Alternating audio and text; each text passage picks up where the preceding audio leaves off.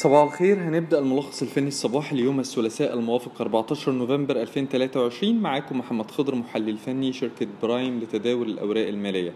مؤشر EGX 30 لسه عند نظرتنا السلبية المتمثلة في إن إحنا شايفين في صعوبة في اختراق مؤشر EGX 30 لمنطقة المقاومة ما بين ال 24500 إلى ال 25000 شايفين منطقة المقاومة دي منطقة مقاومة قوية مش بنرجح اختراقها على المدى القريب والمدى القصير الأجل. وشايفين إن بوادر الضعف في مؤشر EGX 30 هتتأكد مع اختراقه لمنطقة الدعم السنوية ما بين ال 23600 إلى 23000 نقطة. وبالتالي مش بننصح بفتح مراكز شراء جديدة لمتداولي المدى القصير إلا بعد نجاح مؤشر EGX 30 في عبور منطقة المقاومة ما بين ال 24500 إلى ال 25000 نقطة.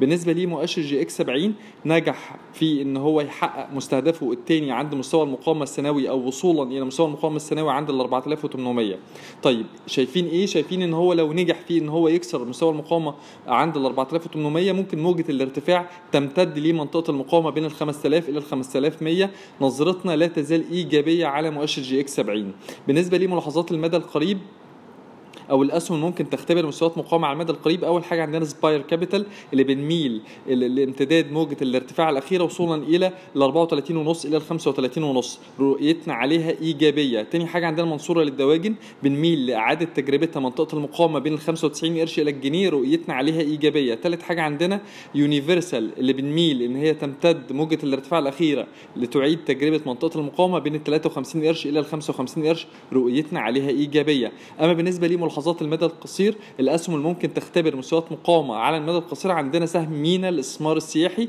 اللي شايفين إن هو كسر خلال تعاملات جلسة امبارح مستوى المقاومة الرئيسي عند الجنيه 15 وبالتالي هو اكد اتجاهه الصاعد على المدى المتوسط والطويل الأجل شايفين إن هو ممكن يستهدف منطقة المقاومة ما بين الجنيه 40 إلى الجنيه 50 رؤيتنا عليه إيجابية. أما بالنسبة للأسهم ممكن تختبر مستويات دعم على المدى القريب. أول حاجة عندنا مصير اتصالات اللي مش بنرجح اختراقها منطقة المقاومة السنوية ما بين ال 41 ل 42 شايفين إن منطقة المقاومة دي ممكن تقابل عندها بعض ضغوط البيع اللي ممكن تدفعها لإعادة تجربة منطقة الدعم السنوية ما بين 37 إلى 36 رؤيتنا عليها عند ال 41 ل 42 سلبية لحد ما تكسر منطقة المقاومة السنوية دي. يبقى عينينا على ال 41 42 في المصرية للاتصالات. تاني حاجة عندنا زهراء المعادي اللي رؤيتنا عليها سلبية متمثلة في إمكانية حدوث تصحيح في سهم زهراء المعادي ليعيد تجربة منطقة الدعم بين السبعة جنيه 10 إلى 6 جنيه 80 طالما إنه يتداول أدنى مستوى المقاومة الحالي عند 8 جنيه.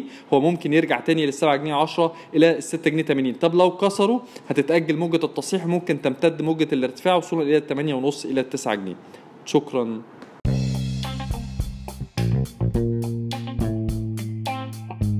يرجى العلم أن هذا العرض هو لأغراض معرفية فقط، ولا يمكن اعتباره عرض أو توصية شراء أو بيع أو إدارة استثمارات أو خدمات استشارية. ينصح باستشارة مستشارك المالي قبل اتخاذ أي قرار استثماري، علماً بأن الأداء التاريخي ليس مؤشراً يعتمد عليه لتحديد الأداء في المستقبل.